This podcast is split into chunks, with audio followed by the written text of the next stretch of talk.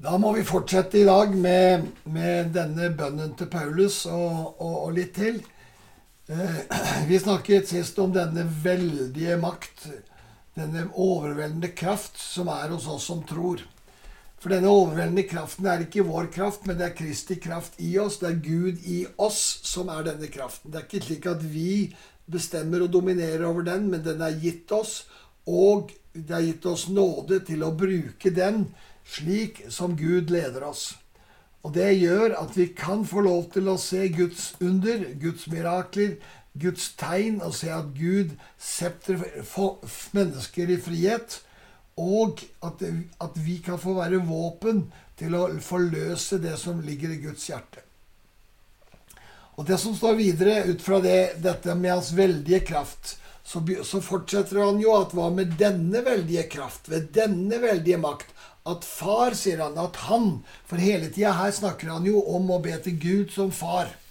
Og så snakker han om at, at, denne veldige kraften var det altså far brukte da han reiste Kristus opp fra de døde og satte han ved sin side, ved sin høyre hånd, i himmelen.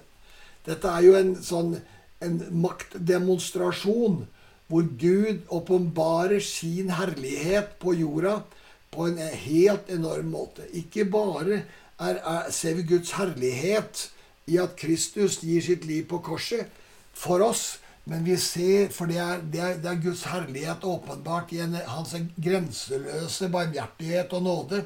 Men her ser vi Guds kraft idet han reiser sønnen sin, som faktisk er død, og som har vært villig til å dø.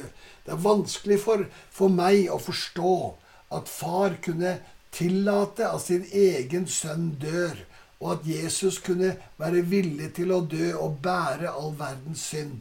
Det, det, er, det er, for meg et mysterium og en, en, ubegripelig ting, for det ligger så langt unna meg som menneske i, i, på så mange måter.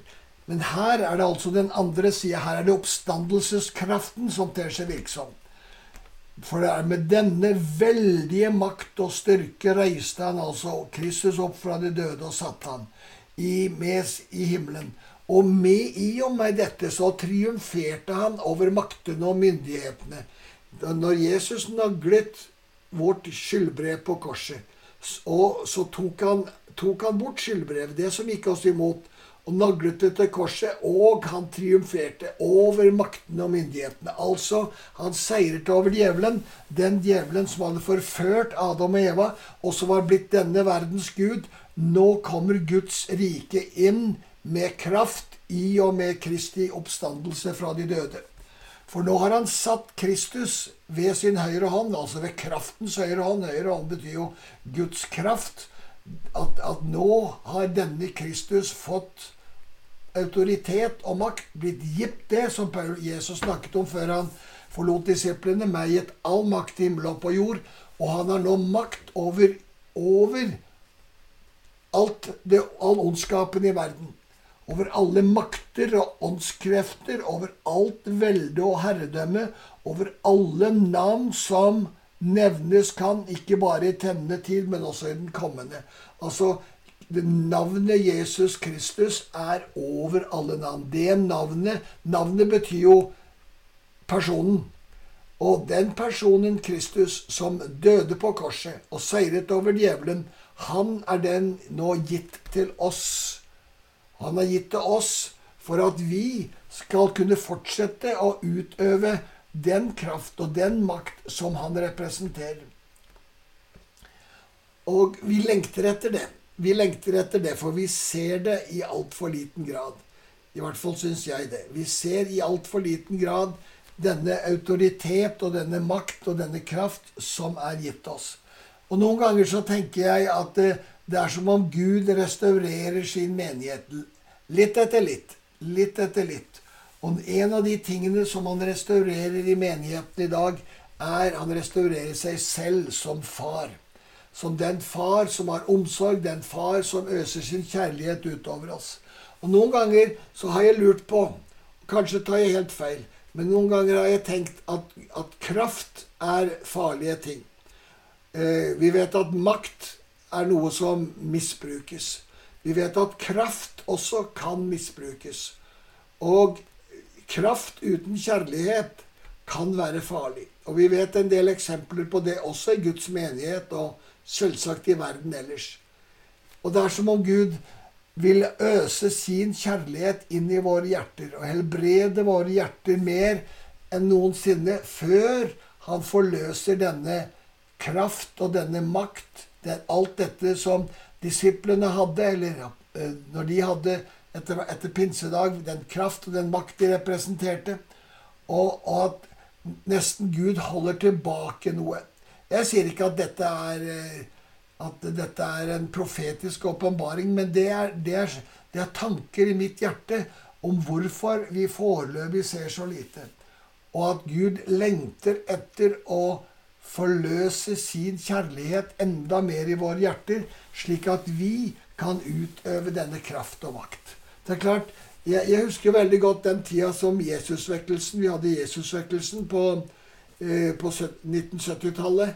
Og, og, vi så ganske mange tegn under. Jeg husker en kamerat og jeg vi evangeliserte i Tyskland en gang, i Englische Garten i München under OL der i 72. Og, vi, og to som hadde, var på sånn badtrip på LSD, kom bort til oss og var fortvilet, for de følte at huset og alt falt i huet på dem. Og vi bare sa 'sett dere her på denne benken'. Så satte de seg på benken, og så bare befalte vi disse, denne forstyrrelsen å gå. Og umiddelbart så kom de ut av badtrippen. Og den ene tok imot Jesus, og den andre gjorde det ikke. Og erfarte det samme, men likevel. På denne tida så opplevde vi også at, vi, vi, at en som var dronning i, i Satankirken i Oslo og, og i, i Sverige, kom og ble kristen. Og vi opplevde at vi kunne sette henne fri fra alle de åndsmakter som, som hun var fylt av. Så, så vi, vi, og, og vi, vi, ser i dag at det, eh, vi, vi, har autoritet over makter og myndigheter, Åndskapens ånde her i himmelrommet. Men jeg lengter etter å se mer, og lengter etter å se en sterkere utfoldelse. Og derfor så tror jeg personlig at det er ekstremt viktig av oss at vi tar imot fars kjærlighet, og at far på den måten får lov til å helbrede hjertet vårt, slik at vi slik at han kan øse ut og tillate mye mer. Det er ikke sikkert dette er rett, det jeg sier, men jeg tror at Gud vil tillate mye mer når han ser at vi er fulle av hans kjærlighet, og er ikke opptatt av ære, er ikke opptatt av hva andre mennesker mener også om oss. Og vi er faktisk villige til å gjøre det han ber oss om. Så Og denne kraften, da, som, som eh, han demonstrerte på Kristus, den, den er da gitt til han.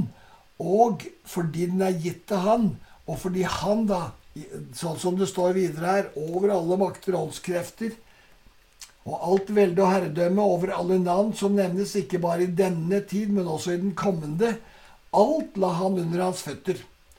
Og ham, hodet over alle ting, ga han til kirken, som er Kristi kropp, fylt av Han som fyller alt i alle. Alt la han altså under Jesu føtter. Det vil si autoriteten der Kristus kommer, og der vi kommer i Kristus, så er alt lagt under våre føtter. Og han er gitt til Kirken, og det er han som er hodet. Kristus er hodet for, for, for, for menigheten, og vi er hans legeme. Og som legeme skal vi da utføre de gjerninger som Jesus gjorde. Men først og fremst så skal vi elske. Og dernest så skal vi også få se Guds kraft åpenbart gjennom gjerninger slik at menigheten kan få lov å vokse og bli sunn og sterk. Så Kristus er altså hodet for menigheten. Han lever, og han, han, han, er den som gir liv til oss. Han er den som bor i oss og iblant oss. Og dette er da denne tanken som du finner så sterkt hos Paulus, at, at Kristus i oss, håp om herlighet, men også Kristus iblant oss nemlig i menigheten, i hodet. Altså han er hodet, vi er legeme, og da er Kristus blant oss. Han er både i oss, hver enkelt, men han er også iblant oss. Derfor er det en autoritet i menigheten, og når en menighet er sunn og full av kjærlighet, så vil også denne kjærligheten råde blant oss. Og denne kjærligheten den skal vi da få lov til å ta med ut i verden. Og denne kraften skal vi også få lov å ta med ut i verden. Og her, her, har, vi, her har vi mye. Og her er det mye vi lengter etter å se. Og så er det jo slik da, at I Bibelen så er det ikke kapitler. Når Paulus skrev brever, så skrev han jo ikke med kapitler og vers. Så når vi begynner på kapittel to, så virker det liksom som om det er noe helt nytt. Og på en måte så er det et avsnitt her som er naturlig i, i, i, i Det nye testamentet. Men da er det at han begynner å snakke om vår personlige situasjon. Han begynner å snakke om at dere, sier han til efeserne, dere var en gang døde på grunn av misgjerningene og syndene deres. For det er et faktum at vi er elsket av Gud før vi blir kristne, og før vi tar imot Jesus. Men vi er døde. Vi er døde. Vår ånd er død. Vårt hjerte kan ikke forstå Gud. Og på grunn av synd og misgjerninger. Derfor må man altså ta imot, gjøre noe, for å komme ut av den ondskapen.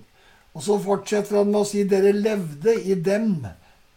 Den, dere levde i den på den nåværende verdens vis og lot dere lede av herskeren i himmelrommet, den ånd som nå er virksom i de ulydige. Her blir Paulus krystallklar på at det er en ånd. Det er altså denne verdens gud som er hersker.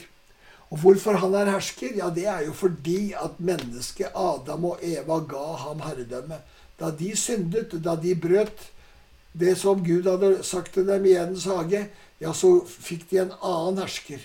Gud var ikke hersker mer. Nå var det djevelen som ble denne verdens gud. Og her bruker Paulus dette uttrykket at han er herskeren i himmelrommet. Ikke i den himmel hvor Gud bor, men i det himmelrommet der, der djevelen kan operere. For han er en ånd. Ikke sant? For djevelen er også en ånd. Og han er den ånd som er virksom i de ulydige. Og hva er det å være ulydig? Ja, Det er jo ikke å være en umulig menneske og et håpløst menneske. Men å være ulydig her betyr ganske enkelt å ikke tro på Jesus. Ulydig er å ikke tro på Jesus. Det er å ikke ta imot Han som Gud sendte. Det er, det er ulydighet. Det er den gjerning som jeg snakker om hele tida vi skal gjøre, det er å tro på Han som Han har sendt. Og det som da skjer når vi da lever i denne verden, det er at vi lever under et herredømme Altså et rike. Og det riket ser vi da sannelig i virksomhet. Det ser vi i virksomhet gjennom kriger, gjennom nød, gjennom fattigdom, gjennom, gjennom farløsheten, ikke minst. Og det er det som her kommer fram, at det, det, det djevelen gjorde ikke sant, når han lurte mennesket til å synde, det var jo at han tok fra dem far. Fars skapet som de hadde. Hjertekontakten med Gud som far. Far som hadde skapt dem i sitt bilde. Han hadde formet dem. Han hadde skapt dem slik de skulle være. Og nå plutselig mister de far. Hvilken forferdelig situasjon. Hvor sterkt de opplevde det umiddelbart, vet, vet vi ikke. Vet ikke jeg, i hvert fall. Men jeg, men jeg ser konsekvensene av det, som er enorme. Konsekvensene av farløsheten i verden. Jeg, jeg leste en gang en rapport for noen, en del tid tilbake av en del sosiologer som snakket om hva som var, det, var verdens største problem. Og da sa de ikke at det var fattigdom, de sa ikke at det var korrupsjon, men de sa faktisk at det var farløshet. De mente at farløsheten var det største problemet i verden. For med farløsheten så kommer alt dette andre. Så kommer egenrådigheten, så kommer grådigheten, og så kommer at, at, at, mennesker vokser opp uten en far, uten en trygg ramme, og alt dette som det fører med seg. Og vi kjenner jo til det. Altså, vi forstår at ting går i stykker. I ekteskap går i stykker og alt dette. Men vi ser også at konsekvensene er ikke gode. Konsekvensene er ikke gode selv om Gud forstår og tilgir og gir barmhjertighet også i det. Og så sier Paulus ja, vi levde en gang som de. Og det er det han snakker om Paulus, som jo levde egentlig et fantastisk liv Han var jo en fariseer over alle fariseere. Han var nøyaktig med å følge loven. Og likevel så beskriver han seg som slik. Han beskriver at vi, sier han, og da inkluderer han jo seg sjøl. Vi fulgte lysten i vårt eget kjøtt og blod og lot oss lede av det og av våre egne tanker. Vi var av naturen vredens barn, vi som de andre. Altså, og her kommer dette at, at, at, Paulus sier vi var vredens barn. Og da er det mange som tenker ja, ja, Gud er vred på mennesket fordi det synder. Gud elsker mennesket, men han er vred på at det synder. Og, og, og han er vred på synden, for synden har konsekvenser. Og synden har den konsekvens at den ødelegger vårt liv. Derfor hater Gud synden. Gud hater synden. Han tåler jo å se på synd. Han ser jo på det hele tida. Men han hater synden fordi den ødelegger hans skaperverk. Den ødelegger oss mennesker, og den ødelegger naturen rundt oss. Det som han har skapt, og som skal være godt for oss. Så, så, Guds vrede betyr ganske enkelt at vi høster det vi sår. Vi høster det vi sår. Men Gud elsker mennesket, men han er vred på det mennesket gjør, og det mennesket utfører, fordi det ødelegger hans skaperverk, og det ødelegger mennesket.